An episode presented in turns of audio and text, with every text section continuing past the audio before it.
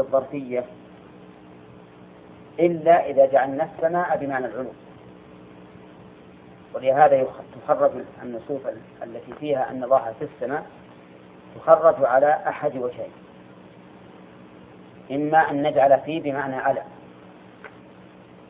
بمعنى في السماء أي؟ على السماء. خذوا بالكم وفي تأتي بمعنى على في اللغة العربية. ومنه قوله تعالى ولا أصلبنكم في جذوع النخل. يعني على الجذوع. يعني مو معناه يدخلهم في نفس الجذع. يصبهم على الجذع. وإما أن نجعل السماء بمعنى في بمعنى العلو. بمعنى العلو. يصير في السماء أي في العلو. والسماء تأتي بمعنى العلو. ها؟ مثل فليمدد بسبب إلى السماء ثم ليقطع. ومثل قوله تعالى أنزل من السماء ماء. نعم من نزل الماء؟ من السحاب. وليس في السماء إلا السماء السقف المحفوظ. بدليل قوله تعالى والسحاب المسخر بين السماء والأرض. ولكن قد يشكل على هذا التقرير الآية التي في سورة الأنعام والآية التي في سورة الزخرف. أما آية الأنعام فهي قوله تعالى وهو الله في السماوات وفي الأرض. يعلم سركم وجهركم. وهو الله في السماوات وفي الأرض. يعلم سركم وجهركم. ويعلم ما تكتبون ولكن الجواب على هذا أن يقال إن قوله وهو الله في السماوات أن لفظ الجلالة مشتق. وأن معنى وهو الله في السماوات أنه إله في السماوات وإله في الأرض. أي مألوه في السماوات ومألوه في الأرض. أو يقال إن قوله في الأرض متعلق بما بعده. ويكون الكلام مقطوعا عند قوله وهو الله في السماوات. رحمك الله. ثم استأنف فقال وفي الأرض يعلم سركم وجهركم. يعني يعلم سركم وجهركم في الأرض. فيكون ارتباط الآية آخر الآية في فيما قبل في أولها أن كونه في السماء لا يمنع من علمه بسركم وجهركم في الأرض. وأما قوله تعالى في سورة الزخرف فهو الذي في السماء إله وفي الأرض إله. فإن معناها أنه إله في السماء وإله في الأرض ألوهيته ثابتة في هذا وفي هذا. ونظيره أن يقال فلان أمير في المدينة وأمير في مكة.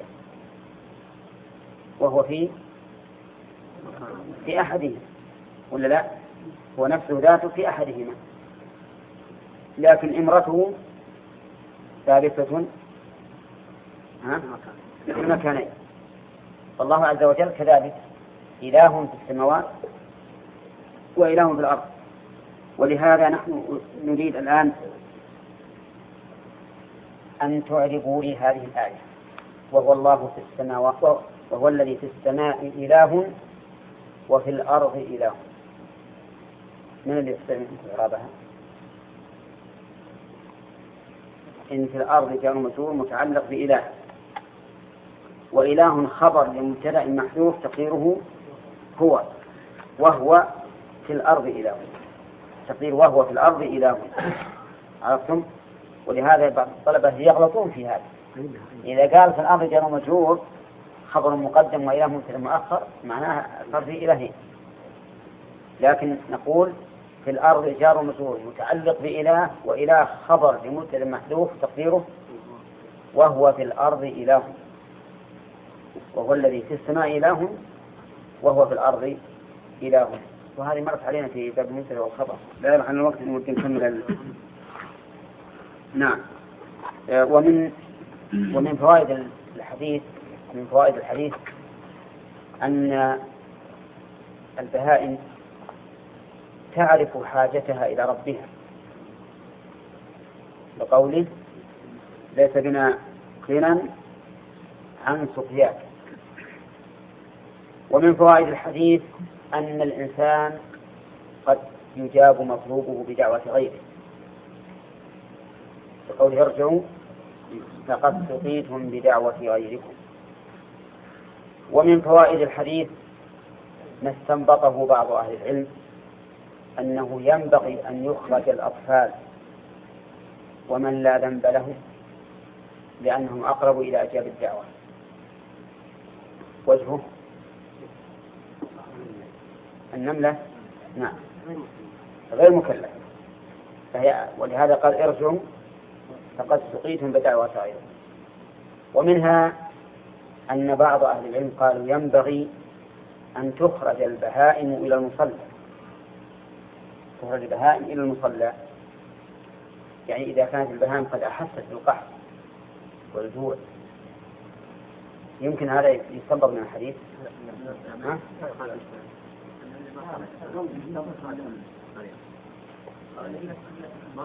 إيه.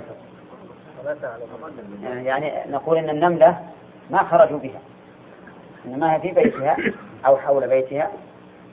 والبهائم التي تجوع قد تستسقي وهي في في ربطها.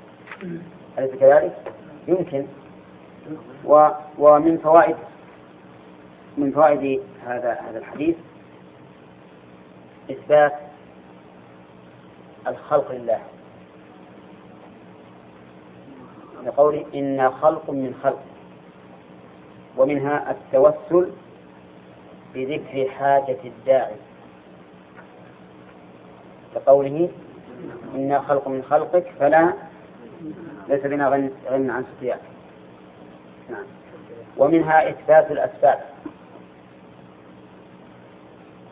لقوله ارجعوا فقد سقيتم بدعوة بدعوة غيره البال السببية؟ ولا معلوم أن أن السقي من الله عز وجل. لكن الدعاء سبب. الدعاء سبب. اصبر يا أخي. و نعم. ومنها الآية التي جعلها الله عز وجل لسليمان. حيث كان يعرف منطق النمل. نعم. وقصته في سورة النمل معروفة. حتى إذا أتوا على وادي النمل قالت نملة يا أيها النمل ادخلوا مساكنكم. لا يحطمنكم سليمان وجنوده وهم لا يشعرون. فتبسم ضاحكا من قولها إلى آخر الآية. وهذا دين على أنه فهم ما قالت. ومنها أن هذه المخلوقات الضعيفة قد تنطق بكلام فصيح. أولى. إنا خلق من خلقك ليس بنا غنى عن سقياك كلام عظيم.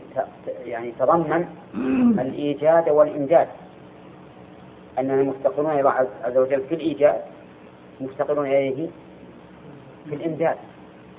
الرزق. ولا شك في هذا.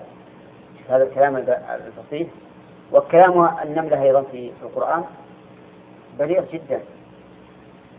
لأنه لأنه آه، ضمن عدة أمور. يا أيها النمل ادخلوا مساكنكم. لا يحطمنكم سليمان وجنوده وهم لا لا يشعرون.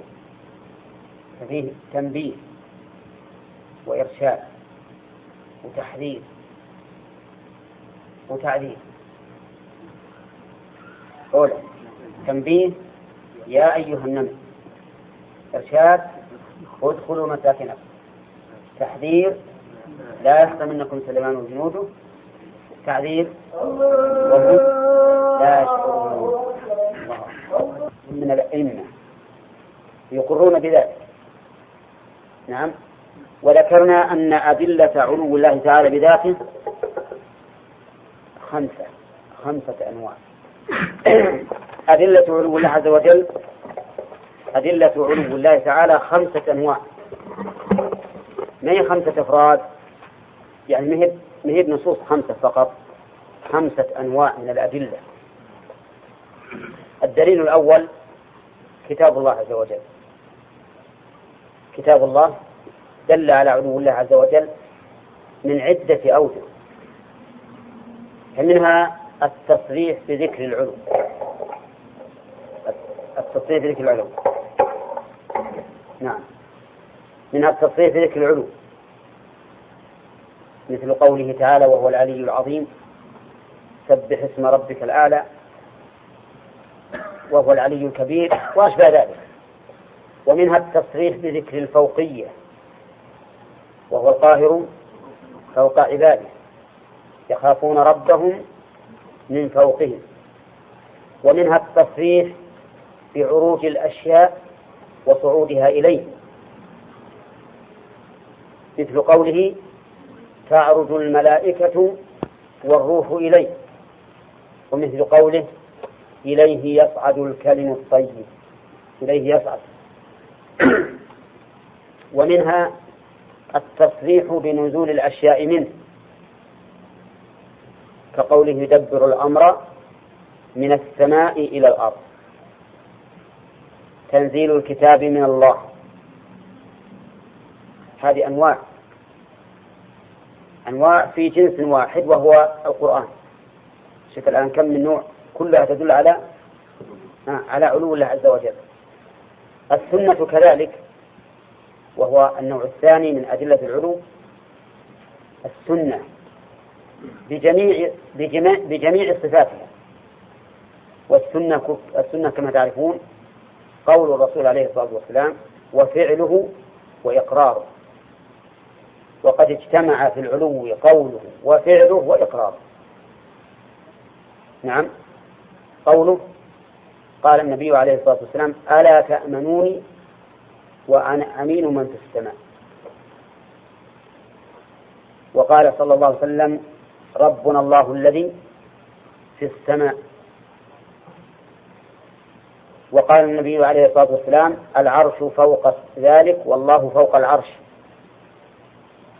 وقال إن الله كتب كتابا عنده عنده فوق عرشه.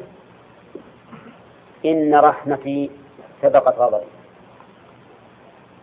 إلى غير ذلك من الأقوال الواردة عن الرسول عليه الصلاة والسلام في ثبوت في ثبوت علو الله بذاته. وأما السنة الفعلية فإنه قام مقام الخطبة في أعظم مشهد شهده وهو يوم عرفة حين خطب الناس ووعظهم وذكرهم ثم قال لهم ألا هل بلغت قالوا نعم. قال اللهم اشهد. يرفع أصواه إلى الناس إلى السماء وينكتها إلى الناس. اللهم اشهد. يعني ها؟ عليهم بأن بأنهم أقروا بأني بلغت. ورفعوا إلى السماء أصوى إلى السماء إشارة إلى أي شيء؟ إلى علو الله عز وجل. ثم أعادها مرة أخرى ومرة ثالثة. كل هذا تأكيدا لعلو الله عز وجل. وكذلك كان صلى الله عليه وسلم يرفع يديه في الدعاء بمشهد الصحابة رضي الله عنهم في خطبة الجمعة. لما دخل الأعرابي قال ادعو الله أن يغيثنا. رفع يديه وقال اللهم أغثنا. هذه السنة فعلية ولا قولية؟ فعلية. أما الوصف الثالث للسنة وهو الإقرار فإنه سأل جارية لمعاوية بن الحكم قال لها أين الله؟ قالت في السماء. قال أعتقها فإنها مؤمنة. ولو كان الله الله عز وجل ليس في العلو لكان ينكر على هذه المرأة. فيكون في هذا إيش؟ سنة إقرارية. سنة إقرارية. هذا كتاب الله وسنة رسوله صلى الله عليه وسلم. الثالث من أنواع أدلة العلو الفطرة. الفطرة التي فطر عليها كل إنسان بل كل مخلوق. على أن الله تعالى في السماء. من علم النملة أن الله في السماء؟ ما فطر الله عليه الخلق من كون الله تعالى في السماء. ولا هي ما درست. لكنها بفطرتها التي فطر الله الخلق عليها علمت أن الله تعالى في السماء. أيضا الإنسان بفطرته لولا أن الشياطين تجتال بعض الخلق ما كان ينصرف قلبه إذا دعا الله إلا إلى أي شيء؟ إلى السماء. ولهذا أبو المعالي الجويني وهو من الأشاعرة كان يقرر إنكار إنكار استواء الله على العرش. يقول إن الله كان وليس ولا مكان أو وليس شيء غيره وهو الآن على ما كان عليه وش يريد؟ ها؟ أن ينكر استواءه على العرش فقال له أبو العلاء الهمداني يا أستاذ دعنا من ذكر العرش دعنا منه لماذا؟ لأن دليل استواء الله على العرش ثابت بالسمع يعني لولا أن الله أخبرنا أنه استوى العرش كان ما نعلم. ثابت بالسمع فأخبرنا عن هذه الضرورة التي نجدها في قلوبنا. ما قال عارف قط يا الله إلا وجد من نفسه ضرورة بطلب العلوم. صح؟ ضرورة. أمر يعني يحس الإنسان أن قلبه يرتفع. فضلا عن قصده وإرادته. إلا وجد من قلبه ضرورة طلب العلوم. وين منين جاء؟ هل تنكر هذه؟ ما تنكر. ولهذا الأجويني أقر واعترف. كان يضرب على رأسه ويصرخ. حيرني الهمداني. يكرر حيرني لأن ما يقدر ما يقدر أحد ينكر هذه الفطرة. حتى العام اللي في سوقه وفي حرفته وفي صناعته. إذا قال يا رب ما وين يروح؟ ها؟ إلى السماء هذا دليل فطري ما يمكن إنكاره أبدا. أما الأمر الرابع أو الدليل الرابع فهو دليل العقل. دليل العقل. أن الله تعالى بذاته فوق كل شيء. كيف ذلك؟ دليل العقل من ناحيتين. الناحية الأولى أن نقول هل العلو صفة كمال أو صفة نقص؟ صفة كمال. حتى السوق في السوق إذا أراد أن يقدح في أحد قال يا سفلة. يا سفلة. لأنه معروف عند كل أحد أن السفول نقص. إذا كان العلو صفة كمال والرب عز وجل قد قال عن نفسه وله المثل الأعلى. قاعدة. كل مثل أعلى يعني كل وصف أعلى فلمن؟ فلله عز وجل. إذا يكون العلو ثابتا له ولا لا؟ يكون العلو ثابتا له. يكون العلو ثابتا له. أما الوجه الثاني فنقول لا يخلو أن يكون الرب عز وجل فوق الخلق أو تحت الخلق أو مساويا للخلق. ولا لا؟ نشوف الآن هذا الصبر هذا صبر تقسيم. إما فوق الخلق أو تحتهم ها؟ أو محايثا لهم يعني موازنا لهم. والأمران والثلاثة الأمور ممتنعة. يعني كونه تحتهم ممتنع. إذا كان الخلق فوق الخالق لم يستحق أن يكون مخلوقا مدبرا. أستغفر الله. لم يستحق أن يكون خالقا مدبرا. ولا لا؟ يعني تحت. هم عليه وفوقه مسيطرون. كيف يكون خالقا؟ إذا كان على أيمانهم أو عن شمائلهم فهذا ممتنع لأنه يلزم أن يكون مساويا لهم ومماثلا لهم. والفرق بين الخالق والمخلوق أمر معلوم بضرورة العقل. معلوم بضرورة العقل. وش يبقى عندنا؟ أنه فوق. أنه فوق فيكون العقل مقررا بفوقية الله عز وجل من الناحيتين. أما الدليل الخامس النوع الخامس من الأدلة فهو إجماع الصحابة والتابعين وسلف الأمة وأئمتها.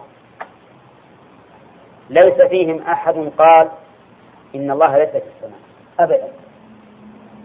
ولا فيهم أحد قال إن الله ليس فوق ولا تحت ولا يمين ولا شمال ولا داخل العالم ولا خارجه ولا متصل بالعالم ولا منفصل عنه. ما حد قال هذا؟ ونتحدى أي إنسان ينقل عن أي واحد من الصحابة أو التابعين أو أئمة الأمة أنه قال هذا. ما حد قال بذلك. فيكون دلالة الدلالة أو فيكون أدلة علو الله بذاته كم نوع؟ خمسة أنواع وكل نوع متجزئ في الكتاب والسنة العقل الفطرة الإجماع إذا أي إنسان يقول إن الله ليس في السماء فإننا نقول إن قولك باطل بالكتاب والسنة والإجماع والعقل والفطرة كل هكذا. لأن ما خالف الثابت بدليل هذه القاعدة. ما خالف الثابت بدليل فهو باطل بنفس الدليل الذي ثبت به الخلاف. قاعدة. كل شيء خالف ثابتا بدليل فهو باطل بنفس الدليل الذي ثبت فيه المخالف. واضح؟ فإذا قلنا العلو ثابت بأدلة خمسة أنواع فضده باطل بخمسة أنواع من الأدلة. بخمسة أنواع من الأدلة لأن العكس بالعكس. إذا الحمد لله أهل السنة والجماعة نسأل الله أن يميتنا وإياكم على ما هم عليه. أهل السنة والجماعة يقرون بهذا إقرارا عقليا فطريا سمعيا نقليا. لا يشكون فيه ولا عندهم معارض ولا يمكن ينصرف عن هذا إلا من اجتالته الشياطين. والذي تجتاله الشياطين لا تستغرب أن ينصرف. شوف في القرآن ولله يسجد من في السماوات ومن في الأرض والشمس والقمر والنجوم والجبال والشجر كل هذه جمادات. والدواب حيوان لكن غير أعجم الناس كثير من الناس هم كل الناس. كثير من الناس وكثير حق عليه العذاب ما يسجد ولا يقل الله تعالى بما يجوب له. فلا تستغرب أن يكون من بني آدم من ينكر علو الله عز وجل الثابت بهذه الأدلة العظيمة.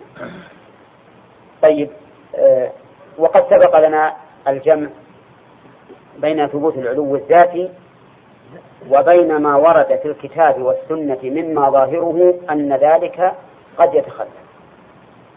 مثل الحديث النزول وآيات المعية وبينا أن الجامع لذلك هو أن الله تعالى لا يقاس بخلقه ولا يسلط عليه العقل الذي يسلط على ما يوصف به الخلق. الله تعالى يمكن أن يوصف بهذا وبهذا ولا يمكن التعارض بما وصف الله به نفسه. ثم قالوا نعم. هم على كل حال لأن عندهم تأويل لأن عندهم تأويلا لكن إذا عرفوا بالحق وأصروا فنحكم عليهم بالكفر. كمن يقول لو كان لي بإمكان أن أن المصحف آية الاستواء لفعلت. ما يروى والله على كل حال قد يكون هذا صحيحا أو لا لكن إذا كان صحيحا فإنه لا شك أنه إذا بين له الحق وكفر يكون كافرا. ولهذا يجب علينا أن نعرف الفرق بين القول والقائل وبين الفعل والفاعل. قد يكون الفعل كفرا في حال وليس كفرا في حال. ولا لا؟ حتى لو كان كفرا مستقرا. فقد يكون كفرا بالنسبة لشخص غير كفر بالنسبة للآخر. الحجة ووجود المانع. الكفر مثلا إذا أكره عليه الإنسان.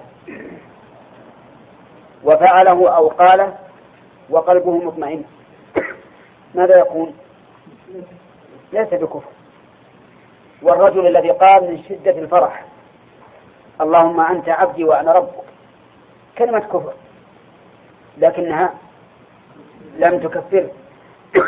لأنه من شدة فرحه لا يدري ما قال. أخطأ. والرجل الذي قال لأهله إذا مت فأحرقوني واذروني في اليم. حتى هو خائف من الله عز وجل. هذا هذا التصرف أو هذه الوصية ما لا تستلزم. تستلزم أن الرجل شاك في قدرة الله. ولا لا؟ يعني لو كان يعلم أن الله قادر ما قال هكذا لا مفر منه. ومع هذا جمعه الله عز وجل. ثم قال ما حملك على هذا؟ قال مخافتك يا رب. فقال الله غفرت لك. نعم. لأنها هي هي اعتقاد أو فعل ينبي عن اعتقاد باطل مكفر. لكن لما كان الحامل له قوة تعظيمه لرب عز وجل وخوفه منه ما صارت النتيجة بمقتضى ما ما يستلزمه هذا القول أو هذه الوصية من من الكفر. والحاصل أن أن القول الراجح في هذا والذي قرره شيخ الإسلام ابن تيمية وكذلك شيخ الإسلام محمد بن عبد الوهاب رحمه الله أنه لا يمكن أن يحكم بالكفر على من قال كلمة الكفر أو فعل فعلة الكفر حتى يقوم عليه الدليل. وما كان الله ليضل قوما بعد إذ هداهم حتى يبين لهم ما يتقون. ومن يشاقق الرسول متى؟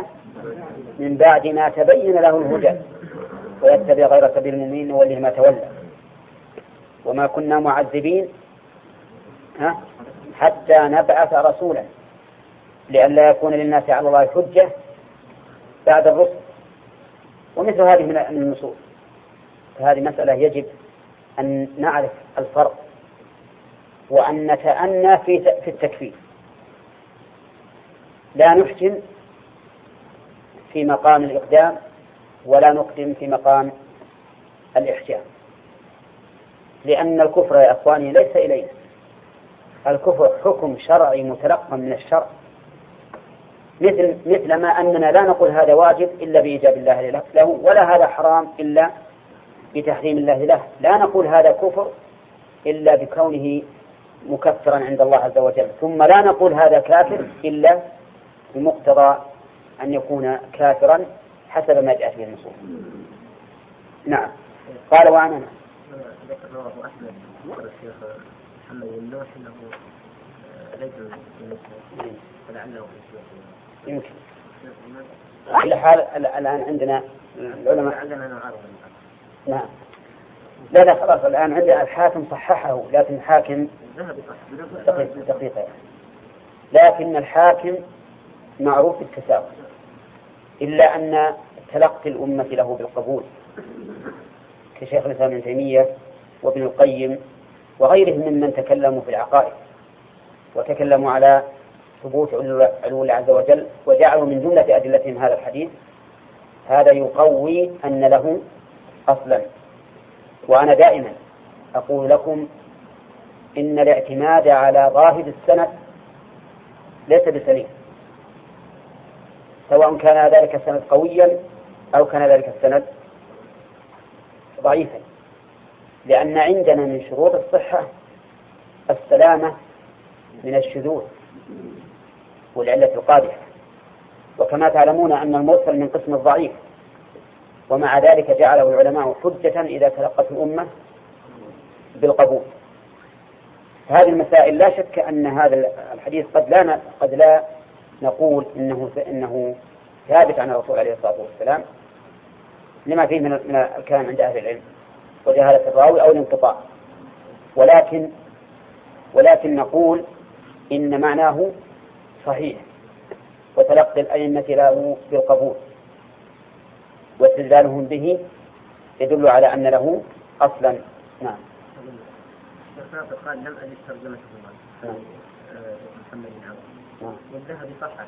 نعم. وما يصححه إلا ما يصححه الراوي على كل حال المسألة هي هذا الحديث من حيث المعنى. صحيح. ومن حيث عمل الأمة به. وتلقيه له بالقبول. هذا أيضا يوجب أن يعتقد الإنسان بأن له أصلا. وليس بغريب أن الله عز وجل يكون قد ألهم هذه الأشياء الحيوانات. ما هو أمر فطري فطر الله عليه الخلق؟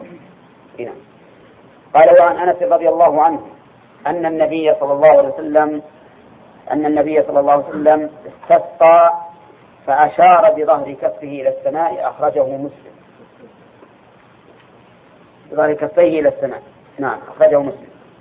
وعن أنس رضي الله قال استسقى تقدم لنا أن مادة تفعل تدل على طلب الشيء. استغفر طلب المغفرة. استسقى طلب السقيا. ولكنها أحيانا لا تدل على ذلك. أحيانا تدل على اتصاف الاتصاف بهذا المعنى مع المبالغة فيه. مثل استكبر لأن استكبر ليس معنى طلب الكبر المعنى بلغ في الكبر غايته لأنهم يقولون إن زيادة المبنى دليل على زيادة المعنى. يعني كلما زادت حروف الكلمة دل ذلك على زيادة في معناها. وهذه ليست قاعدة مضطردة لكنها غالبية. وإلا فإن كلمة بقرة وبقر أيها أكثر معنى؟ وأقل بقر أي نعم. أقول استبقى فأشار بظهر كفيه إلى السماء. الكلمة. فأشار بظهر كفيه. اختلف شراح هذا الحديث في معنى كلمة أشار بظهر كفيه. هل المعنى جعل ظهور كفيه إلى السماء هكذا؟ أو أن المعنى رفع رفعا بالغا؟ حتى كانت ظهور كفيه تشير إلى السماء. هكذا. فيها قولان لأهل العلم. منهم من قال إن المعنى أنه جعل ظهورهما إلى السماء. وبنى على ذلك قاعدة مبنية على حديث ضعيف. أن الدعاء إذا كان بصرف ما يضر فهو بالظهور ظهور الكفين. وإذا كان بطلب ما ينفع فهو بالبطون كأن الإنسان في النافع يقول هكذا بيديه ليتفرغ أو يفرغ فيها الشيء كالمستبد من واحد. وأما في الظهور فيقول هكذا كالذي يدفع كالذي يدفع. ولكننا نقول هذه القاعدة ينقضها هذا الحديث. لأن الرسول صلى الله عليه وسلم إذا استبقى وش يطلب؟ يطلب غيره يطلب شيئا نافعا تزول به مضرة. شيئا نافعا تزول به مضرة. ولهذا قال شيخ الإسلام ابن تيمية رحمه الله إنه لا يشرع الدعاء برفع اليدين مقلوبة. في جميع الأحوال سواء كان ذلك في طلب محبوب أو في دفع مكروه. وأن معنى هذا الحديث معناه أنه للمبالغة في رفعهما فإنه بالغ الرسول عليه الصلاة والسلام في الرفع حتى صار ظهورهما تشير إلى السماء. وقد ثبت أنه دعا حتى بدأ بياض إبطه صلوات الله وسلامه عليه. وهذا هو الأصح وأنه ليس من المشروع أن يدعو الإنسان بظهر كفه بل إنما يدعو ببطون كفيه لأنه يستجدي يستطعم من الله عز وجل. نعم؟ فهذا هو الصحيح. وفي الآية وفي الحديث دليل على علو الله. بقوله فأشار بوالد كفيه إلى السماء إشارة إلى علو المدعو سبحانه وتعالى. يبقى النظر هل يشرع للإنسان رفع اليدين كلما دعا؟ أو الأصل عدم مشروعية ذلك سؤال هل الأصل عدم المشروعية أو الأصل المشروعية ها؟ إيه؟ طيب نحل إذا قلنا أن الأصل عدم المشروعية فمعنى ذلك أننا لا نرفع أيدينا في دعاء إلا إذا ورد به النص وإلا فلا نرفع وإذا قلنا الأصل المشروعية فمعنى ذلك أننا نرفع أيدينا إلى الله في كل دعاء إلا ما ورد النص بعدمه. وأسألكم الآن ماذا ماذا تتصرفون؟ الأول؟ يعني ما ترفعون أيديكم؟ ها؟ إلا فيما ورد النص بعدمه. وهذا هو هو الأقرب. للدلالة الأثرية والنظرية. أما الدلالة الأثرية فإن رسول الله صلى الله عليه وسلم جعل رفع اليدين من أسباب الدعاء. وذلك في الحديث الذي رواه مسلم في قوله صلى الله عليه وسلم إن الله طيب لا يقبل إلا طيبا. وإن الله أمر المؤمنين بما أمر به المرسلين. فقال تعالى يا أيها الذين آمنوا كلوا من طيبات ما رزقناكم واشكروا لله إن كنتم إياه تعبدون. وقال تعالى يا أيها الرسل كلوا من الطيبات. الأمر واحد ولا لا؟ ها؟ أولا. هنا. كلوا من الطيبات واعملوا صالحا. إني بما تعملون عليم. ثم ذكر النبي عليه الصلاة والسلام الرجل يطيل السفر أشعث أغبر يمد يديه إلى السماء يا رب يا رب ومطعمه حرام وملبسه حرام وغذي بالحرام فأنى يستجاب لذلك. لماذا ذكر الأفعال الأربعة أو الأوصاف الأربعة؟ لأنها من أسباب إجابة الدعاء.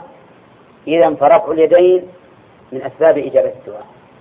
ويؤيده أيضا ما رواه أحمد في المسند إن الله حيي كريم يستحيي من عبده إذا رفع إليه يديه أن يردهما صفرا.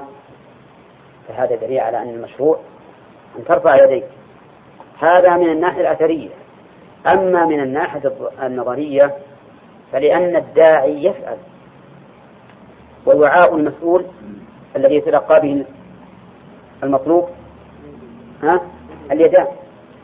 ثم إن الإنسان يجد من نفسه إذا رفع يديه يجد أن قلبه يرتفع أكثر أكثر مما لو دعا هكذا فالظاهر لي أن الأصل في الدعاء الرفع إلا ما ورد النص بعدمه فمثلا الدعاء في الصلاة لا رفع فيه لا رفع فيه لا دعاء الاستفتاح اللهم باعد بيني وبين خطاياي ولا دعاء الجلسة بين السجدتين ولا الدعاء بعد بعد الرفع من الركوع ولا الدعاء في التشهد. كل هذا لم يرد.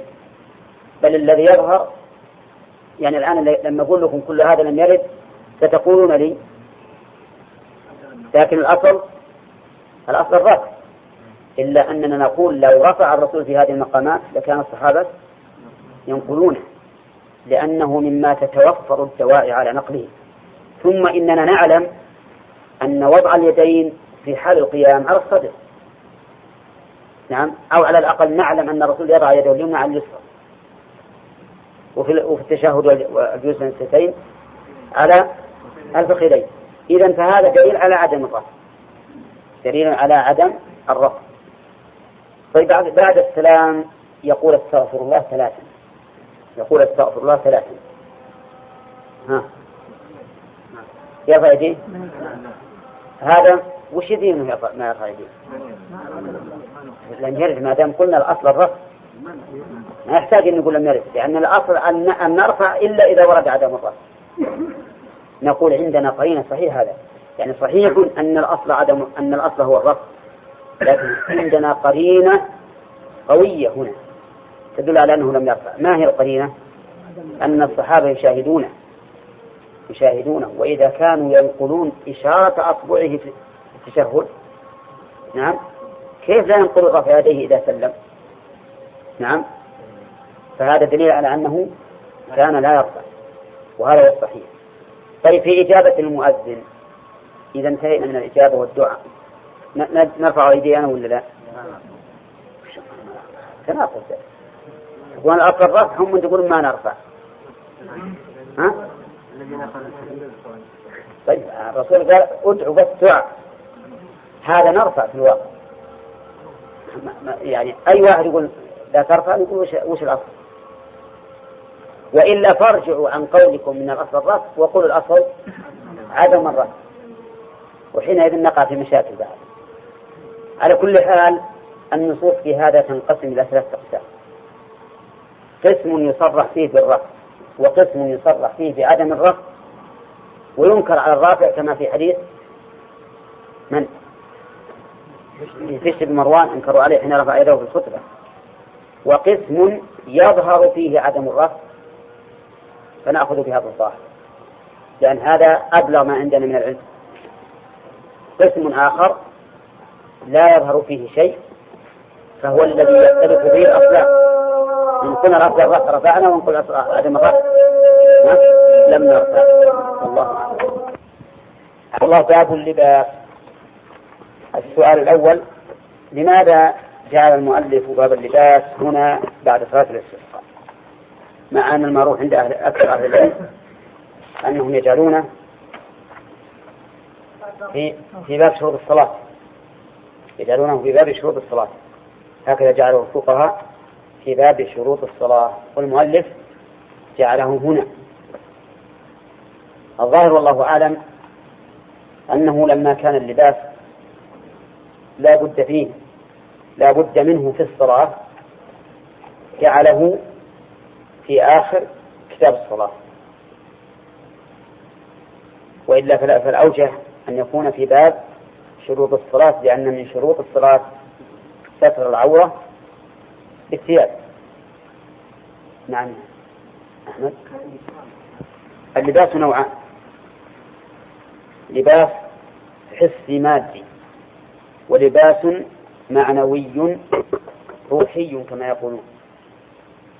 وإن كنت لا أحب أن نقول روح وجسد لأنهما متلازمان والنعيم الذي للروح يحصل للجسد. لكني أقول إن اللباس نوعان لباس حسي ولباس معنوي. وقد أشار الله تعالى إليهما, إليهما في قوله يا بني آدم قد أنزلنا عليكم لباسا يواري سوآتكم وريشا ولباس التقوى ذلك خير. قسم الله تعالى اللباس الحسي إلى قسمين. قسم ضروري لا بد منه وهو ما يواري السوآت يواري سوآتكم وقسم كمالي زينة وهو ما ذكر الله بقوله وريشا. فإن هذا من باب الكمال وليس من باب الضرورة. وكلاهما من نعم الله عز وجل. ومن حكمة الله سبحانه وتعالى أن جعل بشرة الإنسان بادية لا تغطى بلباس. وأما غيره من البهائم فيما نعلم فإنه مغطى بلباس. شعر وبر وصوف وريش وزعانف وأشياء أخرى مما مما هو معلوم. والحكمة في هذا والله أعلم من أجل أن يعلم الإنسان أنه مفتقر إلى اللباس المعنوي كما هو مفتقر إلى اللباس الحسي. فيتذكر بحاجته إلى هذا اللباس أنه محتاج أيضا إلى اللباس الذي هو خير منه وهو لباس التقوى. هذه من جهة.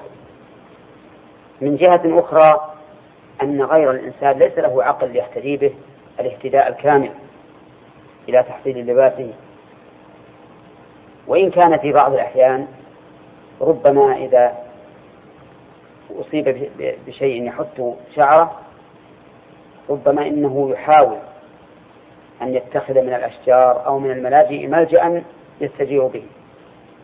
لكن الإنسان له عقل يهتدي به وهو إذا رأى نفسه مجردا من اللباس الساتر سعى في حصول ذلك. فالحاصل أن اللباس ضرورة لبني آدم. وهو كما سمعتم ينقسم إلى قسمين ضروري يرحمك الله والثاني كمال. أما اللباس المعنوي وهو لباس التقوى فإنه خير. وبه يحصل لباس اللباس الحسي ومن يتق الله يجعل له مخرجا ويرزقه من حيث لا يحتسب. الله. وما هو الأصل في اللباس؟ الأصل في اللباس الحلم. والدليل قوله تعالى هو الذي خلق لكم ما في الأرض جميعا. ومما خلق اللباس. فهو داخل في هذه الآية. ودليل آخر قوله تعالى قل من حرم زينة الله التي أخرج لعباده والطيبات من الرزق. فأنكر الله تعالى على الذين يحرمون هذه الزينة. إذا فكل فالدليل هو الفاصل وهو الحاكم. ولما كان الأصل في اللباس الحل احتاج أهل العلم أن يذكروا النصوص التي تفيد التحريم. لأن المحرم من اللباس أقل من المباح منه. فلهذا أتوا بالأدلة الدالة على التحريم على تحريم اللباس. وهو أنواع التحريم قد يكون تحريما عارضا وقد يكون تحريما دائما وقد يكون تحريما عاما وقد يكون تحريما خاصا. فها هنا أربعة أشياء. تحريم إما لازم أو طارئ أو عام أو خاص. لازم أو طارئ مثاله. الأصل في الثوب أنه حلال. فإذا وضعنا فيه صورة صورنا فيه صورة صار لبسه حراما هذا اللباس طارئ هذا التحريم طارئ ولا لازم؟ طارئ. العام العام يعني اللي يشمل الذكر والأنثى؟ مثل أن يكون مصورا. يعني في الصور. فإن الذي فيه الصور حرام على الرجال والنساء. والخاص كالحرير خاص كالحرير. ثم هناك طرو للتحريم يطرأ على الشيء لتعلق حق الغير به. ها؟ فهذا الأصل فيه الحل لكن لما كان قد تعلق بحق الغير صار حراما. قال المؤلف رحمه الله عن أبي عامر الأشعري رضي الله عنه قال قال رسول الله صلى الله عليه وسلم ليكونن من أمتي أقوام يستحلون الحرى والحرير رواه أبو داود وأصله في البخاري. في البخاري بهذا اللفظ وفي زيادة والخمر والمعاد. قال قال النبي عليه الصلاة والسلام لا يكونن أقوام. فهنا إشكال في فتح النون في هذا الفعل المضارع بدون أن نجد ناصبا ينصبه. نعم. هذه ليست فتحة إعراب ولكنها فتحة بناء. وسبب بنائه اتصال نون التوكيد. نون التوكيد به. فإن قلت نحن نعرف أن المؤكد بالنون. إذا كان لجماعة فإنه يكون مضموما؟ فإنه يكون مضموما ليش؟ نعم. نقول إنه يضم إذا كان مسندا إلى واو الجماعة. ما هو الجماعة إلى واو الجماعة. لا إلى اسم ضائع. طيب. قال يكن أقوام من أمتي. أقوام الأقوام جمع قوم والقوم في الأصل للرجال. كما قال الله تعالى يا أيها الذين آمنوا لا يفخر قوم من قوم عسى أن يكونوا خيرا منهم ولا نساء من نساء عسى أن يكن خيرا منهن وقال الشاعر وما أدري ولست إخال أدري. أقوم آل حصن أم نساء أقوم أم نساء وهذا إذا ذكر مع النساء صار خاصا بالرجال. أما إذا لم يذكر مع النساء فإنه يكون عاما. يكون عاما إلا بدليل. يعني عاما شاملا. ولهذا مثلا ولقد أرسلنا نوحا إلى قومه آه. يشمل حتى النساء؟ نعم.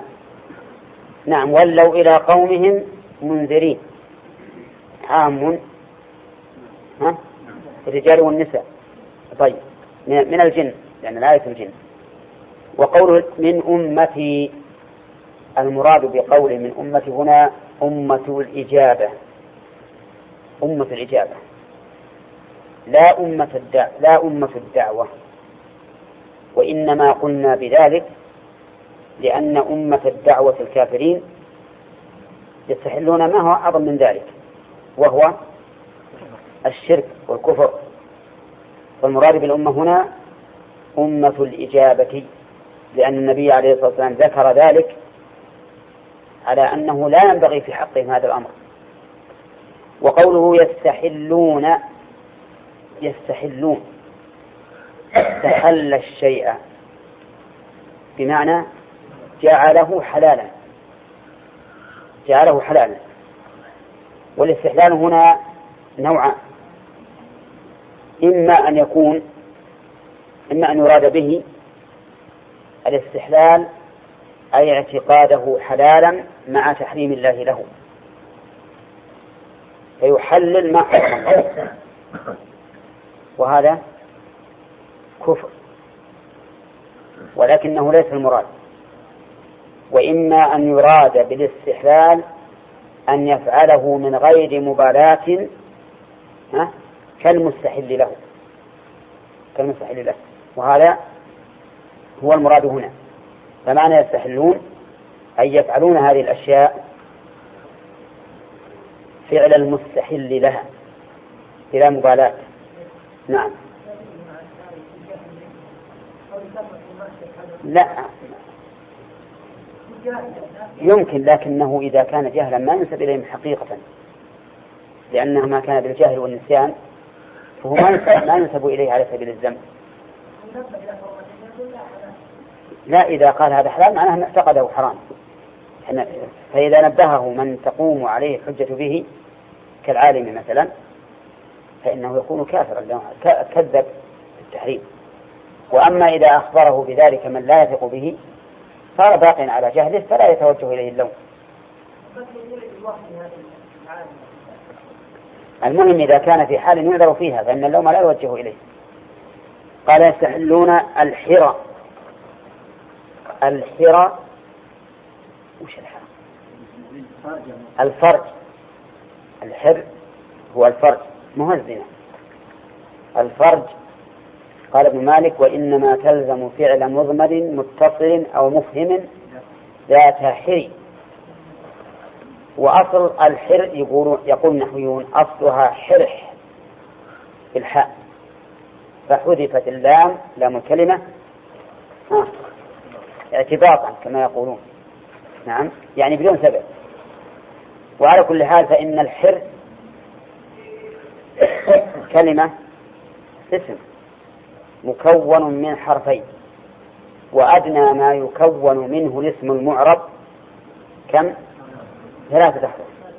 ما يمكن يوجد اسم معرب مكون من أقل من ثلاثة أحرف. ولهذا إذا جاءهم مثل يد ودم وحر شو يقولون؟ حذفت اللام ها؟ اعتباطا أو ما أشبه ذلك. ها؟ لا جن مشددة. نعم لا تحفظ طيب آه إذا الحر الفرج. وإذا قلت إن الحر هو الفرج فإنه لا بد أن يكون هناك صفة محذوفة. لا بد أن يكون هناك صفة محذوفة وجوبا.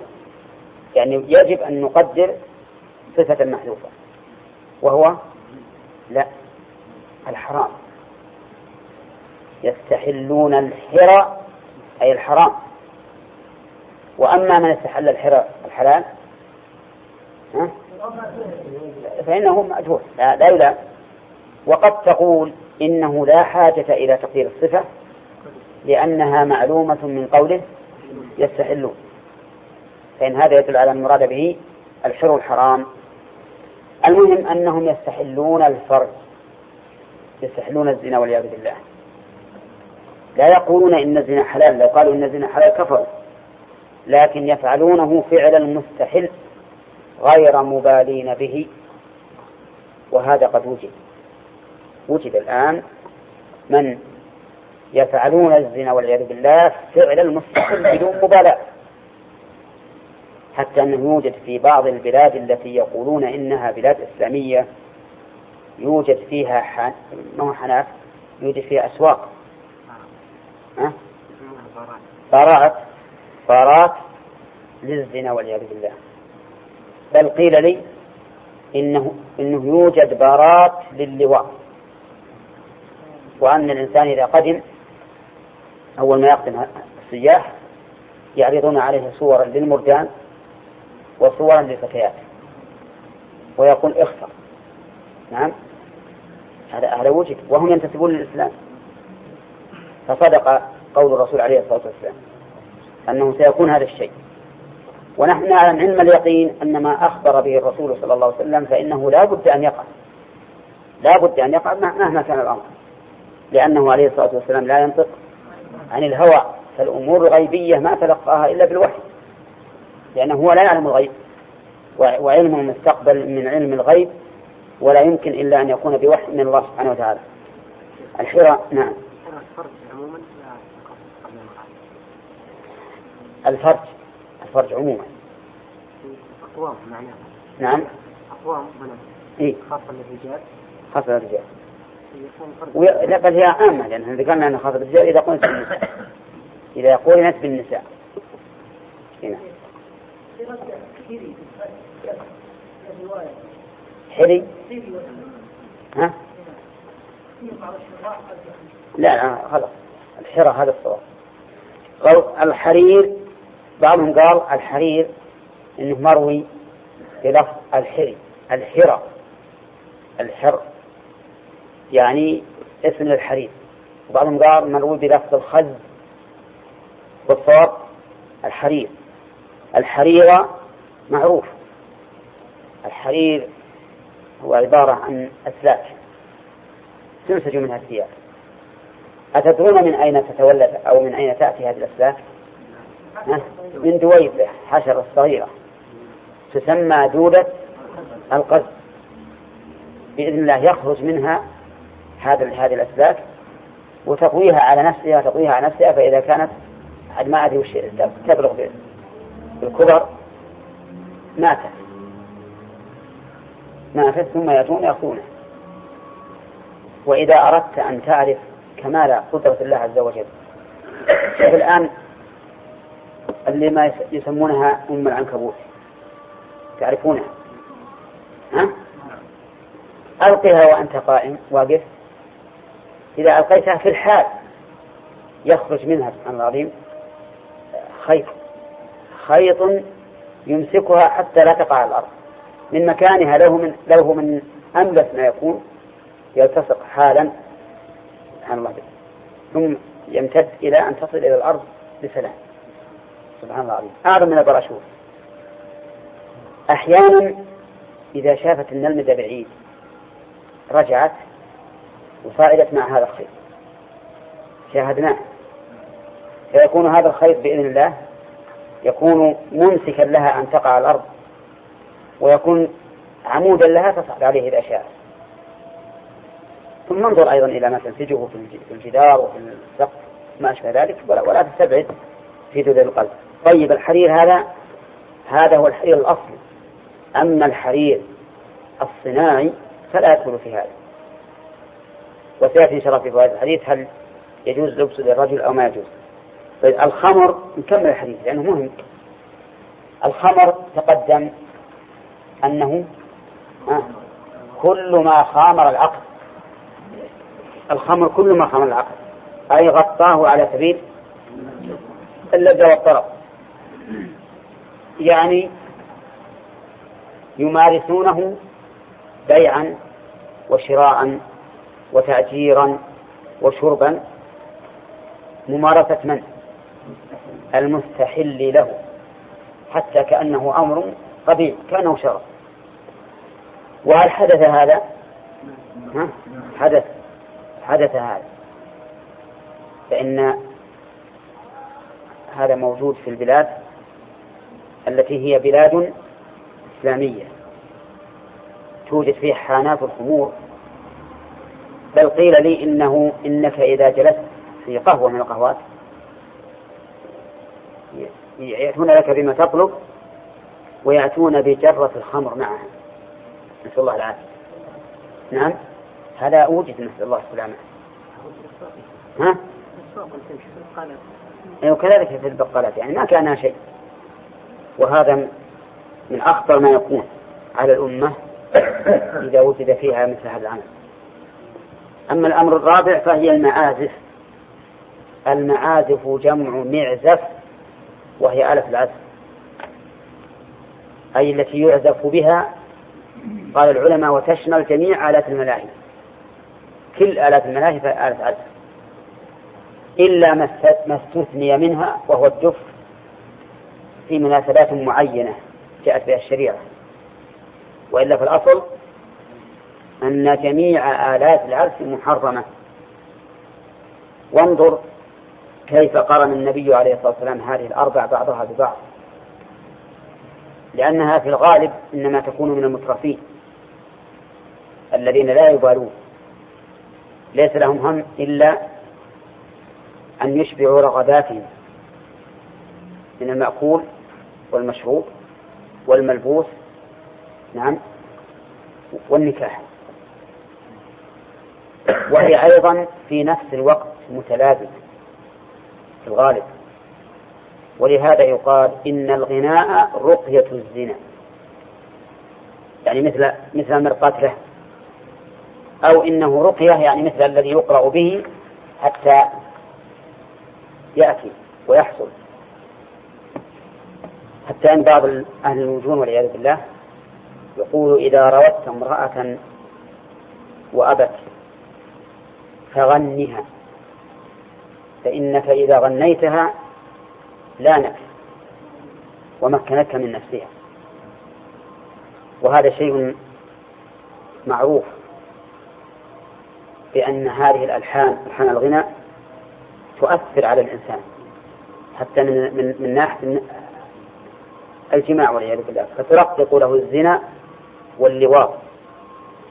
لأن كثيرا منها نسأل الله العافية مشتمل على الغزل والدعوة إلى الفساد والحب والغرام وما أشبه ذلك. وهي مع كونها مدعاة لفساد الأخلاق هي والله مفسدة للقلوب.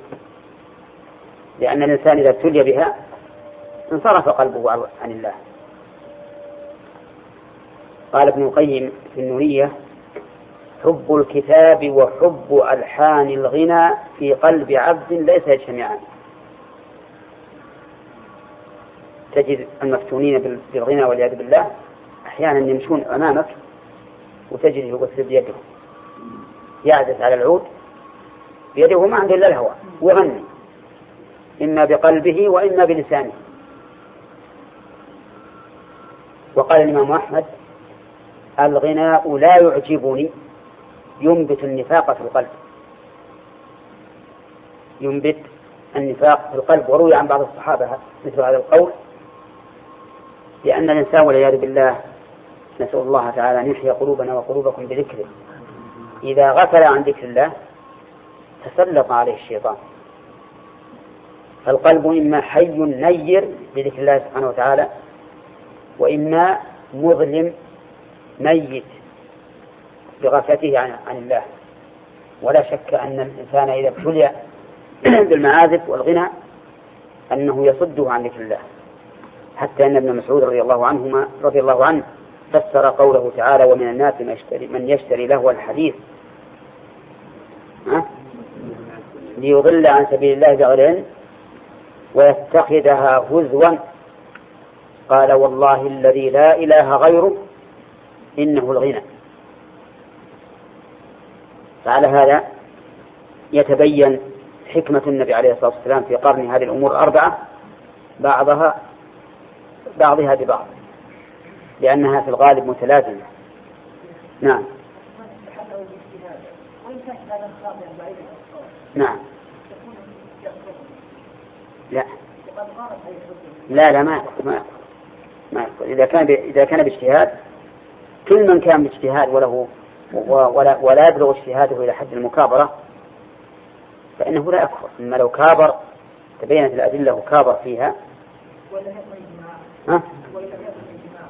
وإن لم يكن إجماعا نعم. ما هو ما هو من شرط التكفير الإجماع. من شرط التكفير أن يقوم الدليل على الكفر. نعم. طيب في هذا الحديث عدة فوائد. أولا آية من آيات الرسول عليه الصلاة والسلام. فيه آية من آيات النبي صلى الله عليه وسلم. ها؟ نقول في هذا الحديث فوائد أولا آية من آيات النبي صلى الله عليه وسلم. العباس من أين تؤخذ؟ صح. ومن فوائدها تحريم الزنا. من فوائد الحديث تحريم الزنا.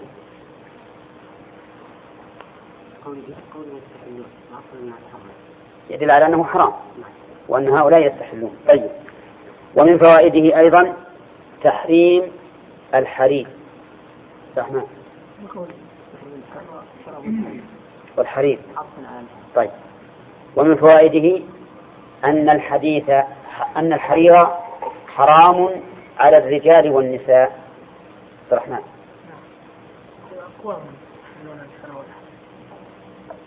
أن حرام على الرجال والنساء من هذا الحديث. نعم من هذا. الحديث صح؟ نعم. صحيح. ومن فوائده تحريم الخمر.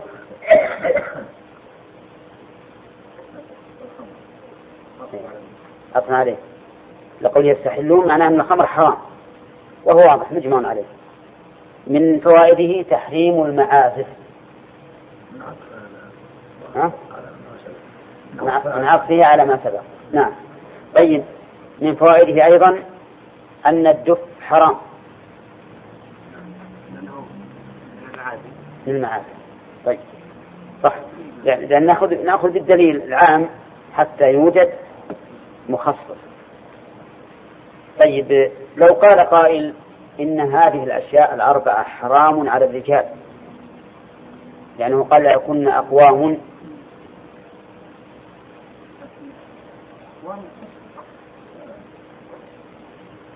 إيه لكن لو قال قائل لا ما تشمل النساء لقول لا يكفر قوم من قوم ولا نساء من نساء.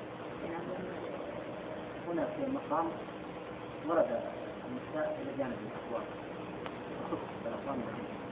أما هنا لم يرد ذكر يعني إذا إذا أطلقت شملت؟ الجميع طيب. نعم. نعم.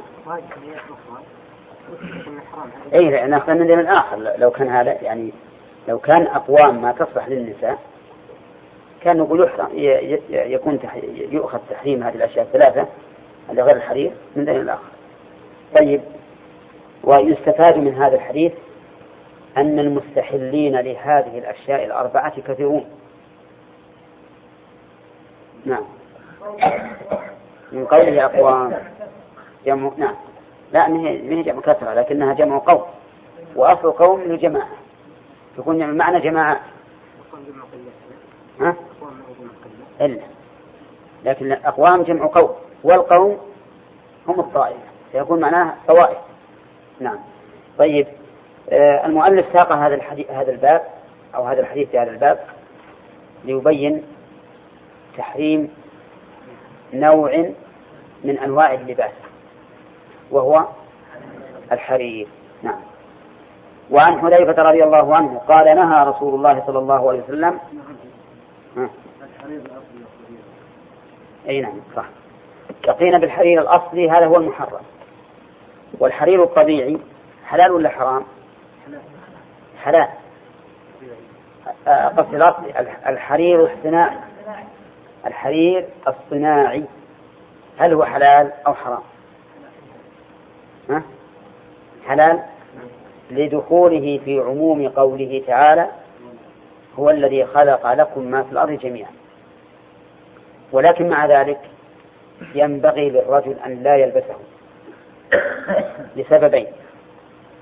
السبب الأول أنه سبب لاتهامه بلباس الحرير. أولى والإنسان ينبغي له أن يدفع ما تكون به التهمة عن نفسه أو أن يدفع عن نفسه ما تكون به التهمة. لأن أبعد الناس عن التهمة وهو الرسول عليه الصلاة والسلام قال للرجلين الأنصاريين لما رأى لما رأي معه صفية فأسرع قال ها ألا أسركما فإنها صفية. مع أنه عليه الصلاة والسلام ما يمكن يتهم أبد لكن الشيطان يجري من ابن آدم مجرى الدم قد يتهم قد توجد التهمة لمن لا آه لمن لا يتهم من الشيطان وإن كان ليس أهلا لها.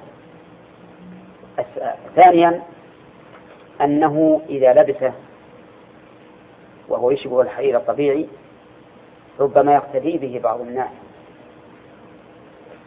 خصوصا من لا يميزون التمييز الكامل بين الطبيعي وبين الصناعي.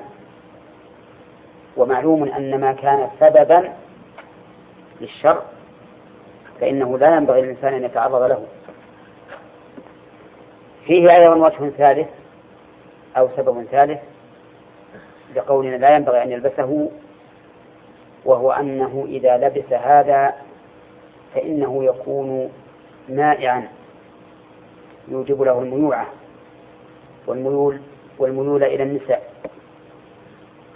وربما إذا كان شابا وسيما يكون سببا لماذا؟ للفتنة به. للفتنة به. فعلى هذا نقول إنه لا ينبغي للرجل أن يلبسه. ولكننا مع ذلك ما نتجاسر أن نقول إنه حرام.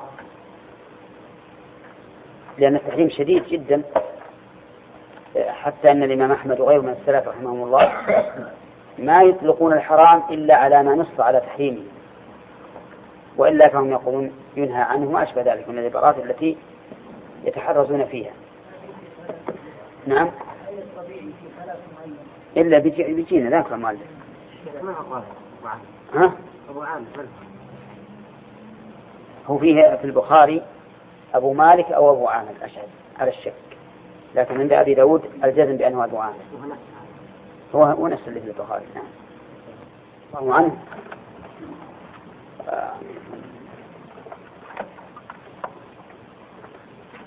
الظاهر ما أخذنا فوائد الحديث.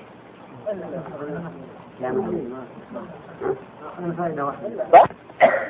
أن نشرب في آنية الذهب والفضة وأن نأكل فيها وعن لبس الحرير والديباج وأن نجلس عليه.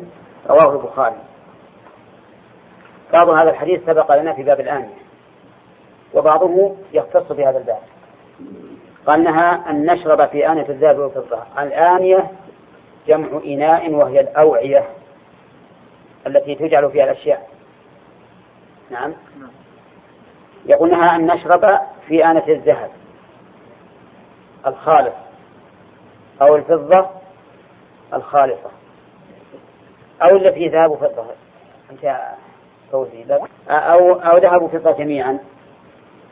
أو ذهب ومعدن آخر غير الفضة ولا لا؟ وهذا سبق لنا في باب الآنية في حديث أم سلمة أو ما في أو فيه شيء منهما. ثانيا يقول وأن نأكل فيها أي في آنة الذهب والفضة لماذا؟ علل بعض أهل العلم بأن ذلك من باب الفخر والخيلة وعلل بعضهم بأنه إسراف. وعلل بعضهم وعلل بعضهم بأن ذلك بأن في ذلك تضييقا للنقدين. وش النقدين؟ الذهب والفضة لأنها دراهم ودنانير إذا إذا اتخذ ثواني ضاقت على الناس ولم يكن لهم عنده ولم يكن عندهم نقود. وعلل بعضهم ذلك بأن فيه كسرا لقلوب الفقراء. فقيل الذي ما يجد ما يشرب إلا بالخزف يجد هذا بالذهب والفضة ينكسر قلبه ولكن الرسول عليه الصلاة والسلام عللها بعلة واضحة. قال فإنها لهم في الدنيا ولكم في الآخرة. فهذه ميزة بين بين المسلمين والكفار. هؤلاء يتمتعون بها في الآخرة والكفار يتمتعون بها في الدنيا. فهي ليست من ليست من ليست ممن أو ليست من أواني من يتقي الله عز وجل. مثل ما ذكر الرسول عليه الصلاة والسلام في الحرير إنه لباس من لا خلاق له. وقال إن هذا لا ينبغي للمتقين. قال وعن لبس الحرير. هذا الشاهد.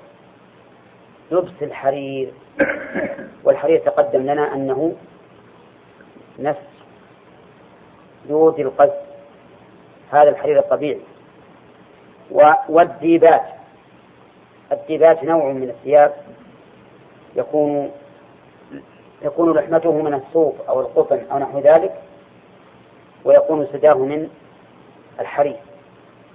يعني تجد مثلا مشجر أشجار فيها أشجاره حرير. لكن أصل الثوب ولحمته كلها من صوف أو قطن أو ما أشبهها ولكن سيأتينا إن شاء الله تعالى أن الديباج المراد به ما كان أكثر ظهورا في الثوب أو ما كان مجتمعا في مكان واحد أكثر من أربعة أصابع. يعني معناه أنه إذا وجد حرير مع غيره من من المباح. إن كان الحرير هو الأكثر ظهورا هو حرام. وإن كان ليس هو الأكثر ظهورا بل الأكثر الآخر فهو إذا كان مجتمعا في مكان أكثر من أربعة أصابع فهو حرام. فمثل هذا الثوب الموشى بالحرير إذا كان ظاهره من الحرير أكثر يكون حراما اعتبارا بالأكثر اعتبارا بالأكثر.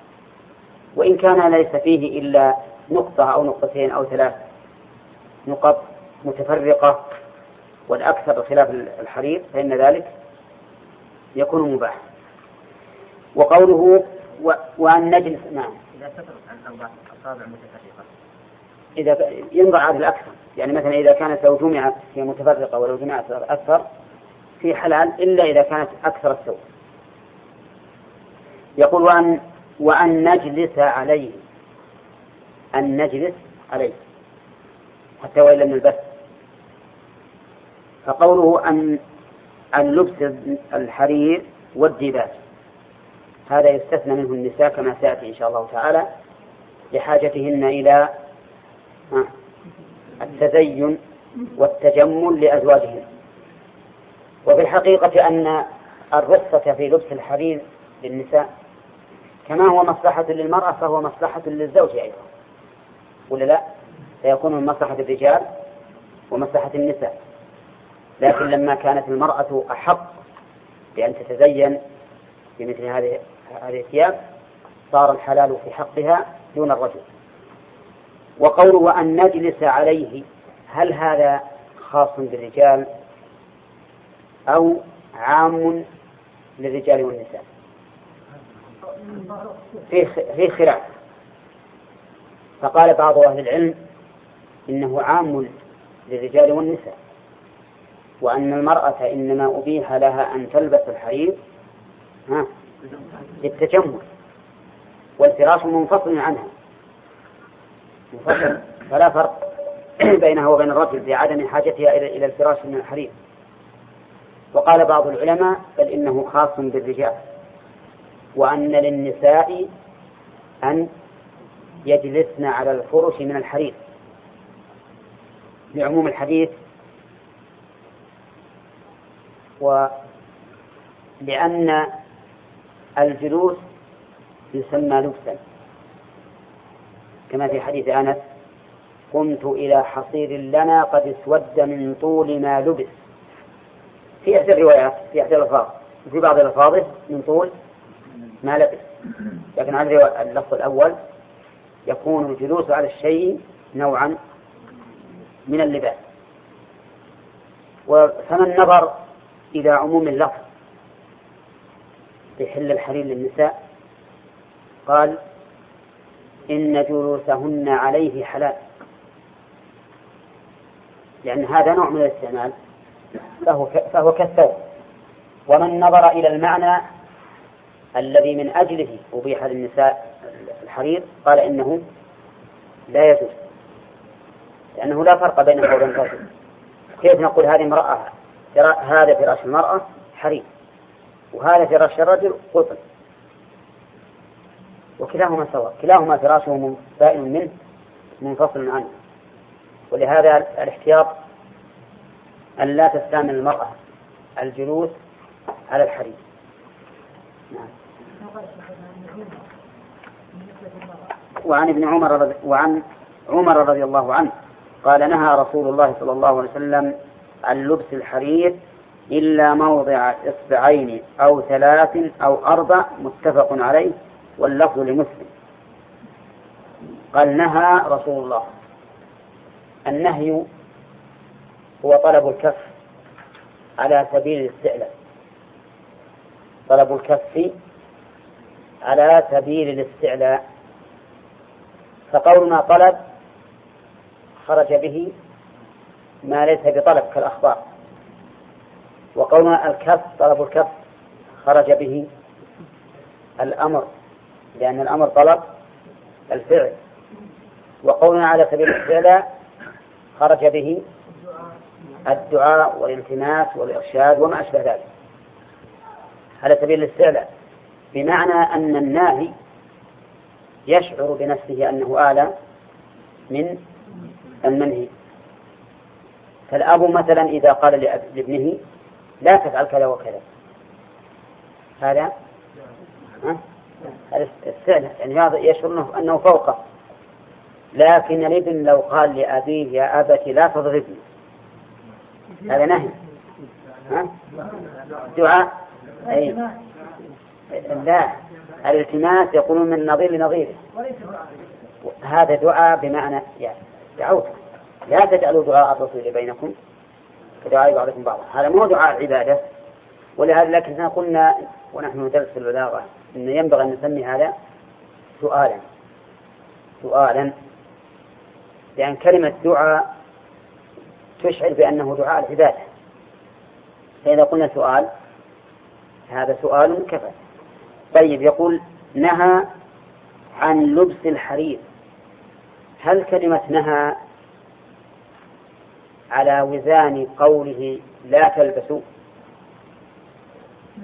نعم. نقول هذا هو الأصل. لأنه إذا قال الصحابي العارف بلغة العرب نهى فإن عنده علما يقينا بأن الرسول قال لا تلبسوا أو كلمة نحوها.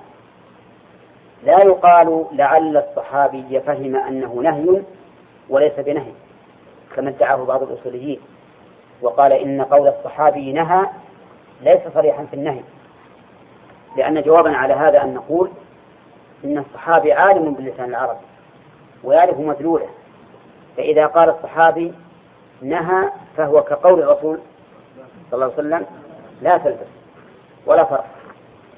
وقول عن لبس الحرير هذا عام سواء كان ثوبا أو سروالا أو غترة أو صدرية أو غير ذلك. عام. ويعم النساء والرجال؟ نعم يعم النساء والرجال لكن النساء سيأتي إن شاء الله ما يدل على التخصيص قال إلا موضع إصبعين أو أصبعين. يجوز كل شيء. أي نعم. إلا موضع إصبعين أو ثلاث أو أربع شوف يعني سهولة العرب سهولة الناس بالأول. كل متره معه. نعم؟ إصبعين كم من عند التاليين؟ وش يسمونهن؟ سنطيين أي نعم. طيب هذا إصبعين معك دائما. لكن هالصنطي هذا اللي تبي لازم تحمله معك من إخواتك ولا شهور السنة. موضع أصبعين أو ثلاث أو أربع. هل هذا على سبيل الشك أو على سبيل التنويع؟ نعم. هذا على سبيل التنويع وليس على سبيل الشك. ولهذا كأنه يقول إلا ما كان على موضعين وإما على أربعة وإما على أصبعين وإما على ثلاث وإما على أربع. والتنوير الذي قد نسميه أحيانا بالتخيير هذا وارد في اللغة العربية وارد أيضا في النصوص الشرعية. قال الله تعالى في فدية من صيام أو صدقة أو نسك. فأو هذه للتنوير إذا يجوز إلى أربع. الخمس. ما يجوز. ودون الأصبع. جائز بالأولى. كذا؟ طيب وقوله إلا موضع أربعين إلا موضع أصبعين أو ثلاث أو أربع يقول أو ثلاث. ثلاث وهنا يقتضي أن المعدود مؤنث. نعم. والأصبع كما سبق لنا مؤنثة. طيب. يقول أهل العلم رحمهم الله إن هذا المراد به ما كان في موضع واحد. مثل لو كان الجيب جيب الثوب موضوع فيه أسلاك من الحرير. إذا وضعت يدك الأربعة الأصابع الأربعة عليها وإذا هي أكثر من أربع أصابع فإنه حرام. وإن كان أقل فهو من يعني أربعة فأقل فإنه جائز مباح. فإن قال قائل الأصابع تختلف.